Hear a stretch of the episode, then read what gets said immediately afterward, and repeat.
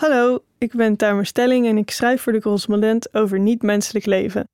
Al schrijf ik de laatste tijd vooral over de negen planetaire clusterfucks, waar klimaatverandering er één van is, naast oceaanverzuring of zoetwatergebruik. Dit artikel gaat over de clusterfuck aerosolen in de atmosfeer. Je kunt aerosolen eigenlijk alleen maar tekort doen. Of het nu gaat over wolken in de lucht, bloempjes in de wei, klimaatverandering, luchtvervuiling, geoengineering, stikstofproblematiek, Alzheimer, longkanker, de COVID-epidemie, vuurwerk, Sahara-zand op je auto of zwart uitgeslagen cultureel erfgoed. Op werkelijk elk vlak trekken aerosolen aan de touwtjes. En dat maakt het zo vreemd dat we zo weinig van ze weten. Aerosolen, vaste of vloeibare mini-deeltjes in de lucht, eigenlijk alle zwevende deeltjes die geen gas zijn, zijn de joker in elk actueel vraagstuk. Ga maar na. De grote vraag tijdens corona. Wel of geen verspreiding via aerosolen. De grote onbekende bij luchtvervuiling. Welke concentratie aerosolen verkort levens? De grootste onzekerheid in klimaatmodellen. Welk effect hebben aerosolen op de temperatuur? Was eerst vooral de natuurkunde druk met aerosolen. Inmiddels leven ze voor elk vakgebied wel. Al is dat lastig te zien door de wildgroei aan deeltjesjargon. Media berichten over luchtvervuiling, smog, rook, as of roet. Medici vrezen airborne pathogens, ziektes die overdraagbaar zijn via de lucht. Klimatologen benoemen vaak de chemische samenstelling van de deeltjes, zoals sulfaten, zwarte koolstof, nitraten, woestijnstof of zeezout. En instanties als het RIVM tikken rapport na rapport over fijnstof. Alles is aerosolen. En zo zijn aerosolen in de atmosfeer met recht een van de negen planetaire clusterfucks, zoals ook klimaatverandering, oceaanverzuring of het afbrokkelen van de biosfeer. Het Stockholm Resilience Center verzamelde die negen wereldwijde problemen in een taartdiagram genaamd de Planetary Boundaries. Eerder legde ik uit waarom het zaak is elk puntje van die taart te kennen, mocht je een milieukwestie hopen op te lossen. Want denkend aan ons eigen lichaam is het helder. Je hebt niks aan een ingreep die de tumor uit je hoofd haalt, maar meteen je hart platlegt met infarcten. Dus stel je nu de aarde voor als een hemellichaam met klimaatklachten. En bijvoorbeeld elektrische auto's als behandeling. De autokuur helpt misschien een beetje tegen opwarming, maar heeft ook bijwerkingen als grootschalige natuurdestructie voor de winning van lithium voor batterijen. De hamvraag is wanneer het planeetmedicijn erger wordt dan de planeetkwaal. Een beantwoording van die vraag vereist kennis van de planeet als geheel, geen CO2-tunnelvisie, plastic obsessie of hyperfocus op welke afzonderlijke kwestie dan ook. En weinig voorbeelden onderstrepen de zin van clusterfuck denken met zo'n dikke roze marker als de wisselwerking tussen aerosolen en het klimaat. Bekend is dat CO2, een gas, de aarde opwarmt. Zo niet aerosolen, de vaste en vloeibare deeltjes in de lucht. Zij koelen de aarde juist af, waarover later meer. En daarbij zijn die opwarmende broeikasgassen en afkoelende aerosolen ook nog eens als broers. Of beter gezegd, ze hebben dezelfde moeder, onze verbrandingseconomie. Het verstoken van gas, olie en kolen levert naast energie zowel CO2 als aerosolen op. Helaas ging alle aandacht de afgelopen jaren naar de broeikasbroer en nu zitten we met een onhandig kennisgat. Namelijk, we weten simpelweg niet precies hoezeer CO2 het klimaat heeft opgewarmd omdat we niet weten hoezeer aerosolen het klimaat afkoelen. Dus is ook niet te zeggen hoeveel CO2-uitstoot we nou moeten reduceren om een bepaalde temperatuurgrens te halen, hoe exact koolstofbudgetten soms ook klinken. Stevige CO2-reductie door te stoppen met fossiel kan zorgen voor de paradoxale situatie dat het in eerste instantie niet koeler wordt op aarde, maar juist warmer, door dus die afname van verkoelende aerosolen die bij verbranding ontstaan. Op korte termijn scheelt dat mogelijk zelfs een krappe graad. Maar het kan ook meevallen. Misschien schelen de aerosolen slechts een tiende graad, we weten het nog niet. Verreweg de grootste klimaatonzekerheid van nu komt door dit onbekende effect van aerosolen, zegt ook het IPCC. Dus eerst even wat we wel al weten. Welke aerosolen er grosso modo zijn, waar ze vandaan komen en wat ze allemaal uithalen in de dampkring, zoals dat verkoelen. Aerosolen zijn zo mogelijk het slechtst begrepen onderdeel van de atmosfeer. Zie de atmosfeer als een nauwsluitende kooltrui van gas die de aarde warm houdt. Een ingenaaid kledinglabel zou lezen 78% stikstof, 21% zuurstof, ongeveer 1% argon plus een lange lijst kleine percentages zoals de 0,04% koolstofdioxide of CO2. Allemaal gassen. Maar naast die gassen zweven er dus ook kleine vloeibare en vaste deeltjes in de atmosfeer, de aerosolen. Alles kan een aerosol zijn, zoals inderdaad druppeltjes met COVID-19 of andere bio-aerosolen als virussen, bacteriën, plantenzaden, schimmelsporen, algen, etc. Geschat wordt dat 90% van de aerosolen in de atmosfeer een natuurlijke oorsprong heeft. Het leeuwendeel bestaat uit woestijnstof, zeezout, bodemdeeltjes opgepakt door de wind, stof van vulkanische uitbarstingen of roet van bosbranden. Die natuurlijke aerosolen, daar doe je niks aan. Het zijn de mensgemaakte aerosolen die voor de onbekende extra afkoeling zorgen. En die komen hoofdzakelijk vrij bij verbranding. We leven in een verbrandingseconomie. Niks aan het moderne leven functioneert zonder dat daarvoor ergens iets in de fik staat. Ook al is het zeer gecontroleerde, haast onzichtbare verbranding in afgelegen fabrieken en kleine motoren, verbranding is overal. Er gaan wel stemmen op om deze tijd het pyroceen te noemen in plaats van het antropoceen. Verbranding is een afbraakproces en daar komt energie bij vrij, maar dus ook bijproducten als broeikasgassen en aerosolen. Die mensgemaakte aerosolen kunnen op twee manieren ontstaan. Er zijn aerosolen die meteen als aerosol uit het vuur geboren worden, zoals roet. Dit is een primair aerosol. Maar er komen bij verbranding ook gassen als nitraten of zwaveldioxide vrij, die pas in de lucht reageren met andere deeltjes, tot bijvoorbeeld sulfaaterosolen, dit noemen we secundaire aerosolen. Deze secundaire aerosolen maken het lastig te zeggen wat nu de grootste menselijke bron van aerosolen is. Fossiele verbranding staat volgens experts wereldwijd op één en wordt, veel mensen weten dat niet, op de voet gevolgd door de landbouw. Want de landbouw stoot ammoniak uit, een gas, dat in de lucht reageert met sulfaten uit verbranding of nitraten van bijvoorbeeld het verkeer, tot fijnstof als ammoniumnitraat en ammoniumsulfaat. De meeste mensgemaakte aerosolen zijn secundair van aard. Wat de meeste mensgemaakte aerosolen ook zijn, is erg klein. Vaak zo klein dat wanneer je ze inademt, ze gaan rondzwerven in je lichaam, vertelt fijnstof-expert Bob Ursem van de TU Delft.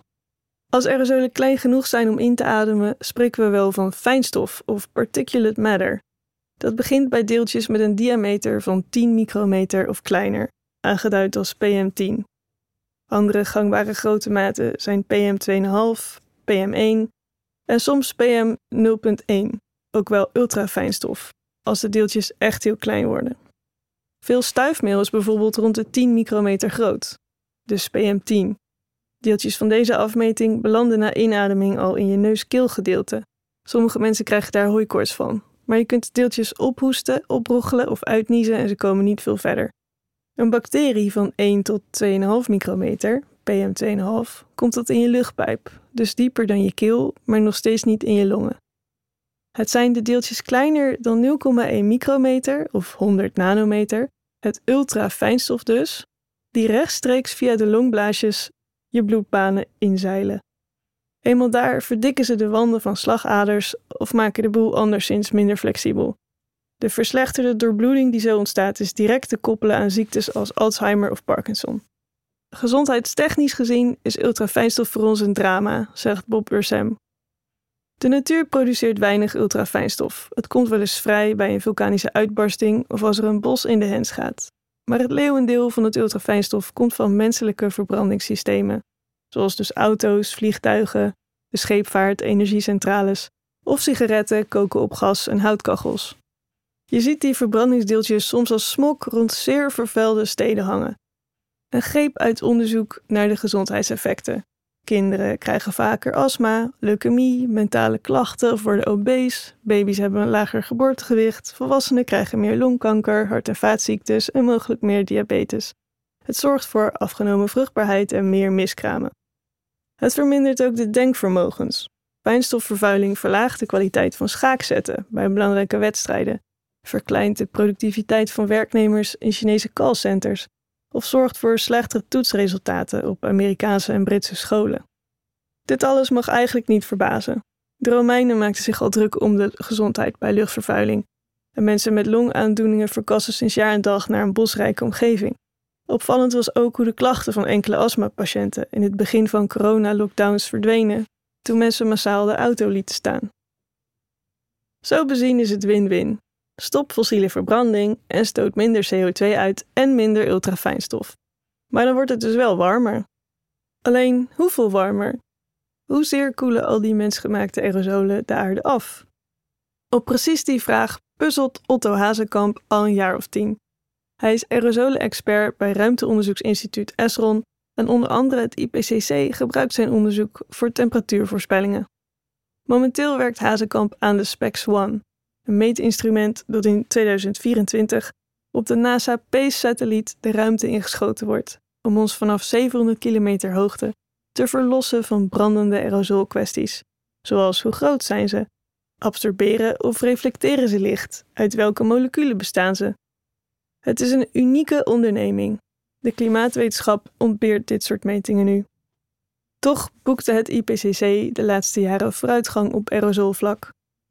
Eerst was het of ze doen helemaal niks of ze doen heel veel, zegt Hazekamp. Dat ze helemaal niks doen lijkt nu wel uitgesloten. Aerosolen verkoelen sowieso en waarschijnlijk tussen twee tiende en een hele graad, al dus het recentste IPCC-rapport. Ook één graad afkoeling is heel veel, duidt Hazekamp. Het gaat over de gemiddelde temperatuur op aarde. Op sommige plekken verkoelen aerosolen meer dan elders, bijvoorbeeld boven China en India. Dat zou lokaal zomaar 3 graden kunnen schelen, zegt Hazekamp. Hoe schoner verbranding is, hoe minder aerosolen je uitstoot. In Europa is de industrie vanaf de jaren 90 veel schoner geworden. China begon rond 2014 met verbeteringen, maar India doet er weinig aan. Daar is het nog steeds heel vies. Hoe verkoelen die vieze deeltjes dan? Aerosolen verkoelen zowel direct als indirect.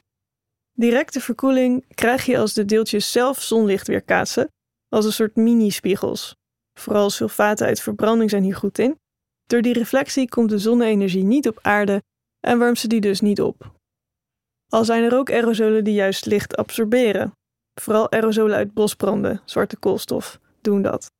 Deze aerosolen hebben dus een soortgelijk effect als broeikasgassen, maar ze zijn in de minderheid. Indirecte verkoeling komt dan weer door het effect van aerosolen op ons wolkendek. Een wolk ontstaat als waterdruppeltjes condenseren op aerosolen. Zonder aerosolen zijn er dus geen wolken en zo ook geen regen, geen weer, watercyclus, vers water, dus ook geen bomen en planten, mensen of überhaupt leven op aarde. Zie hier de rol die natuurlijke aerosolen al miljoenen jaren vervullen. Maar van mensgemaakte aerosolen krijg je ook wolken. Dit is goed te zien wanneer een containerschip de oceaan oversteekt. Op de gevaren koers ontstaat vaak een dunne streep wolkjes, ship tracks, puur door de scheepsuitstoot. De aerosolen door uitstoot komen dan heel lokaal voor, zegt Hazekamp. Alleen boven de scheepsroute, omdat de lucht verder erg schoon is boven zee. Dus op het moment dat er een klein beetje aerosolen zijn, denkt waterdamp meteen: oh, wolk vormen. Daarbij maken aerosolen de wolk. Hoe meer aerosolen, hoe meer druppels een wolk heeft en hoe meer druppels, hoe helderder een wolk is.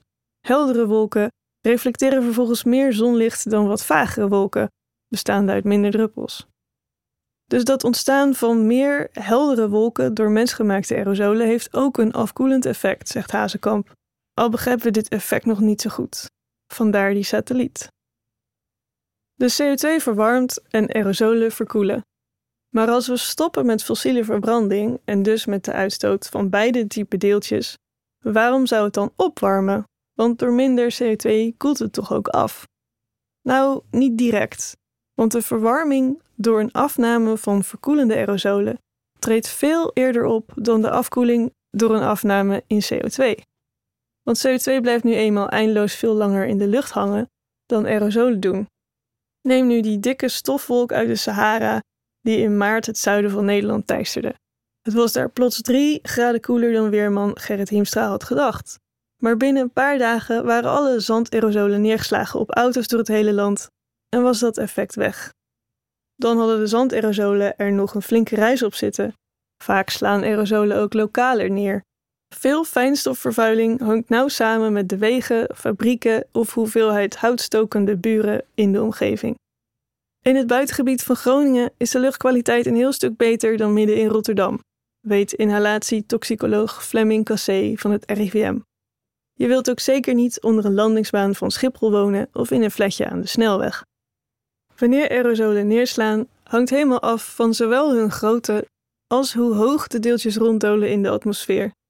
In de stratosfeer blijven ze een jaar hangen, iets meer in onze luchtlaag een week of twee. CO2 beweegt dan een heel stuk trager. Stel je stoot een grote hoeveelheid CO2 uit. Binnen ongeveer een eeuw is een kwart daarvan opgenomen door de bomen, planten en schimmels en de oceaan. In de duizend jaar erna zakt nog een deel van de CO2 wat dieper de oceaan in en enkele millennia verder reageert CO2 zelfs met de rotsen op land. Pas na zo'n 10.000 jaar is 60% van een uitgestoten hoeveelheid CO2 echt uit de lucht, dus 40% zit er nog. Dus dat de grootste klimaatzorg om CO2 draait is niet gek. Broeikasemissies moeten omlaag, opdat het niet semi-permanent een heel stuk warmer wordt. Maar, zegt Hazekamp, we willen de opwarming van de aarde beperken tot anderhalve graad. Met alleen iets schonere lucht zitten we daar misschien al aan. Dus als aerosolen nou heel erg blijken af te koelen, moeten die CO2-emissies misschien nog meer omlaag dan al is afgesproken. En, voegt Fleming Cassé eraan toe, het is heel apart dat fijnstof zo gekoppeld is aan de gezondheid van de mens en niet aan de gezondheid van de planeet, aan het klimaat. Zeker gezien in Nederland de luchtkwaliteit al decennia alleen maar beter wordt. Hazekamp beaamt dit. Aerosolen leggen de complexiteit van het probleem bloot. CO2-reductie is essentieel, maar er zijn bijeffecten. Je gaat minder uitstoten, minder vervuilen en toch wordt het eerst warmer. Dat moeten mensen begrijpen. Dank voor het luisteren. Mocht je nu op- of aanmerking hebben op dit verhaal, meld je dan vooral onder het artikel op www.decorrespondent.nl. En was je nog geen lid, dan kun je dat ook meteen daar regelen. Tot later.